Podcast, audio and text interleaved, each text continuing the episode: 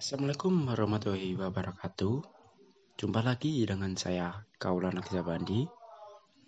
Di sini saya akan membahas asuhan keperawatan spiritual. Perlu kita ketahui, keperawatan adalah komitmen tentang mengasihi atau caring. Elemen perawatan kesehatan yang berkualitas adalah menunjukkan kasih sayang pada klien sehingga terbentuk hubungan saling percaya. Rasa saling percaya diperkuat ketika perawat menghargai dan mendukung kesejahteraan spiritual klien. Penerapan proses keperawatan spiritual klien tidak sederhana atau bukan sekedar mengkaji praktek dan ritual keagamaan klien saja. Namun, memahami spiritual klien Kemudian, secara tepat mengidentifikasi tingkat dukungan dan sumber yang diperlukan. Membutuhkan perspektif baru yang lebih luas. Selanjutnya, perlu juga belajar memahami aspek positif dari spiritual klien dan juga mendukung dan mengenali klien dalam pemberian asuhan keperawatan yang efektif. Asuhan keperawatan akan terjadi bila terbinanya hubungan saling percaya antara perawat dan klien. Aspek spiritualitas selalu dipengaruhi oleh pengalaman, kejadian, dan pertanyaan tentang kejadian, praktek, dan perawatan di rumah sakit. Oleh karenanya, pengkajian dapat menjadi kesempatan untuk mendukung, menguatkan spiritual klien dan menjadi terapeutik. Perawat yang memahami pendekatan konseptual menyeluruh tentang pengkajian spiritual akan menjadi yang paling berhasil. Kapan pengkajian dilakukan? Pengkajian sebaiknya dilakukan setelah perawat dapat membentuk hubungan yang baik dengan pasien atau dengan orang terdekat pasien atau perawat telah merasa nyaman untuk membicarakannya. Apa yang harus dikaji? Informasi awal yang perlu digali adalah yang pertama, afiliasi agama, yang kedua, keyakinan atau spiritual agama. Afiliasi agama ialah partisipasi agama klien dalam kegiatan keagamaan jenis partisipasi dalam kegiatan keagamaan. Yang kedua, keyakinan atau spiritual agama. Praktek kesehatan yaitu diet, mencari, dan menerima terapi atau upacara keagamaan. Persepsi penyakit yaitu hukuman atau cobaan terhadap keyakinan. Yang terakhir, strategi coping. Pengkajian lanjutan, yaitu pengkajian data subjektif. Yang pertama, konsep tentang Tuhan atau ketuhanan, sumber harapan dan kekuatan, praktek agama dan ritual, hubungan antara keyakinan dan kondisi kesehatan. Pengkajian lanjutan yaitu pengkajian data objektif. Yang pertama, pengkajian efektif atau apakah pasien tampak kesepian, depresi, marah, cemas, agitasi, apatis, atau preokupasi. Yang kedua, perilaku atau apakah pasien tampak berdoa sebelum makan, membaca kitab suci, atau buku keagamaan, dan apakah pasien sering kali mengeluh tidak dapat tidur atau bermimpi buruk dan berbagai bentuk kegangguan tidur lainnya serta bertanda yang tidak sesuai atau mengekspresikan kemarahannya terhadap agama. Yang ketiga, verbalisasi atau apakah pasien menyebut Tuhan, doa, rumah ibadah, atau topik keagamaan lainnya. Apakah pasien pernah minta dikunjungi oleh pemuka agama? Dan apakah pasien mengekspresikan rasa takutnya terhadap kematian. Yang keempat, hubungan interpersonal atau siapa pengunjung pasien, bagaimana pasien berespon terhadap pengunjung, apakah pemuka agama dapat mengunjungi pasien, dan bagaimana pasien berhubungan dengan pasien yang lain, dan juga dengan perawat. Yang kelima, lingkungan. Apakah pasien membawa kitab suci atau perlengkapan ibadah lainnya? Apakah pasien menerima kiriman tanda simpati dari unsur keagamaan dan apakah pasien memakai tanda keagamaan misalnya jilbab? Terutama dilakukan melalui observasi. Selanjutnya, saya akan menjelaskan apakah diagnosa keperawatan itu. Ketika meninjau pengkajian spiritual dan mengintegrasikan informasi ke dalam diagnosa keperawatan yang sesuai.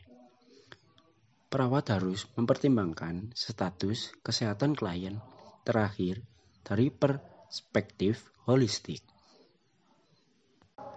Dengan spiritualitas sebagai prinsip kesatuan. Setiap diagnosa harus mempunyai faktor yang berhubungan dengan akurat sehingga intervensi yang dihasilkan dapat bermakna dan berlangsung. Diagnosa keperawatan spiritual yaitu distress spiritual adalah kerusakan kemampuan dalam mengalami dan mengintegrasikan arti dan tujuan hidup seseorang dihubungkan dengan agama atau orang lain dan dirinya. Ruang lingkup diagnosa keperawatan distress spiritual yaitu berhubungan dengan diri, meliputi mengekspresikan kurang dalam harapan, arti, tujuan hidup, kedamaian, penerima, cinta, memaafkan diri, keberanian, marah rasa bersalah, coping yang buruk. Yang kedua, Berhubungan dengan orang lain meliputi menolak berinteraksi dengan teman, keluarga, dan pemimpin agama. Mengungkapkan terpisah dari sistem dukungan. Mengekspresikan keterasingannya. Yang ketiga, berhubungan dengan seni, musik, literatur, dan alam. Meliputi tidak mampu mengekspresikan kondisi kreatif atau bernyanyi. Tidak ada ketertarikan kepada alam, tidak ada ketertarikan kepada bacaan agama. Yang terakhir, berhubungan dengan kekuatan yang melebihi dirinya. Meliputi tidak mampu ibadah atau tidak mampu berpartisipasi dalam aktivitas agama, mengekspresikan marah kepada Tuhan mengalami penderitaan tanpa harapan. Faktor yang berhubungan dari diagnosa keperawatan distres spiritual yaitu mengasingkan diri, kesendirian atau pengasingan sosial, cemas, kurang sosikultural atau deprivasi, kematian dan sekarat diri atau orang lain, nyeri, perubahan hidup, dan penyakit kronis diri atau orang lain. Perencanaannya meliputi yaitu yang pertama, dalam menetapkan rencana perawatan atau tujuan ditetapkan secara individual dengan mempertimbangkan riwayat klien, area beresiko, dan tanda-tanda disfungsi serta data objektif yang relevan. Yang kedua, Tujuan escape klien distress spiritual berfokus pada menciptakan lingkungan yang mendukung praktik keagamaan dan keyakinan yang biasa dilakukannya. Tujuan pemberian perawatan spiritual. Klien merasakan perasaan percaya pada pemberi perawatan. Klien mampu terikat dengan anggota sistem pendukung pencarian pribadi klien tentang makna atau hidup meningkat, tujuan, dan kriteria hasil. mengidentifikasi keyakinan spiritual yang memenuhi kebutuhan, menggunakan kekuatan keyakinan, harapan, dan rasa nyaman ketika menghadapi penyakit, mengembangkan praktik spiritual yang memupuk komunikasi dengan diri sendiri maupun Tuhan dan dunia luar. Mengekspresikan kepuasan dengan keharmonisan antara keyakinan spiritual dengan kehidupan sehari-hari. Kriteria hasil yang diharapkan klien adalah menggali akar keyakinan dan praktik spiritual, mengidentifikasi faktor dalam kehidupan yang menantang keyakinan spiritual, menggali alternatif atau menguatkan keyakinan, mengidentifikasi dukungan spiritual, mendemonstrasikan kekurangannya distress spiritual setelah keberhasilan intervensi. Implementasi merupakan Periksa keyakinan spiritual pada fokuskan perhatian pada persepsi klien terhadap kebutuhan spiritualnya. Jangan mengasumsi klien tidak mempunyai kebutuhan spiritual. Mengetahui pesan non-verbal tentang kebutuhan spiritual klien atau pasien. Merespon secara singkat, spesifik, dan faktual mendengarkan secara aktif, dan menunjukkan empati yang berarti menghayati masalah klien. Menerapkan teknik komunikasi terapeutik. Dengan teknik mendukung menerima, bertanya, memberi informasi, refleksi, menggali perasaan dan kekuatan yang dimiliki klien.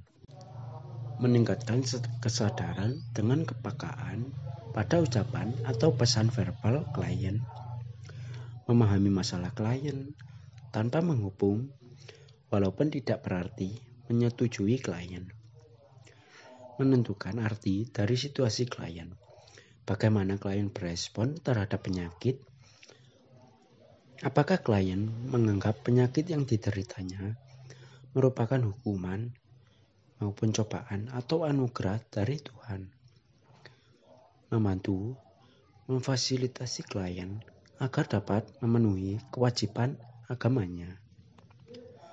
Yang terakhir, memberitahu pelayanan spiritual yang tersedia di rumah sakit. Ada empat alat atau cara untuk membantu perawat dalam menerapkan perawatan spiritual, yaitu yang pertama, menyimak dengan perilaku wajar. Yang kedua, selalu ada. Yang ketiga, menyetujui apa yang dikatakan klien. Yang keempat, menggunakan pembukaan diri. Salah satu intervensi di stres spiritual adalah yang paling penting, support spiritual, yaitu membantu pasien untuk merasa seimbang dan berhubungan dengan kekuatan maha besar buka ekspresi pasien terhadap kesendirian dan ketidakberadaannya. Beri semangat untuk menggunakan sumber-sumber spiritual. Siapkan artikel tentang spiritual sesuai pilihan pasien. Tunjuk penasihat spiritual pilihan pasien. Gunakan klarifikasi nilai untuk membantu pasien mengklarifikasi kepercayaan dan nilai jika diperlukan. Mendengar perasaan pasien, fasilitasi pasien dalam meditasi, berdoa, atau ritual keagamaan. Dengarkan dengan baik komunikasi pasien dan kembangkan pemanfaatan waktu untuk berdoa atau ritual keagamaan. Yakinkan kepada pasien bahwa perawat dapat mensupport pasien ketika sedang menderita. Buka perasaan pasien terhadap rasa sakit dan kematian. Bantu pasien untuk berekspresi yang sesuai dan membantu mengungkapkan rasa marah dengan cara yang baik. Evaluasinya meliputi perawat mengevaluasi adalah apakah intervensi keperawatan membantu menguatkan spiritualitas klien. Perawat membandingkan tingkat spiritualitas klien dengan perilaku dan kebutuhan yang tercatat dalam pengajian keperawatan.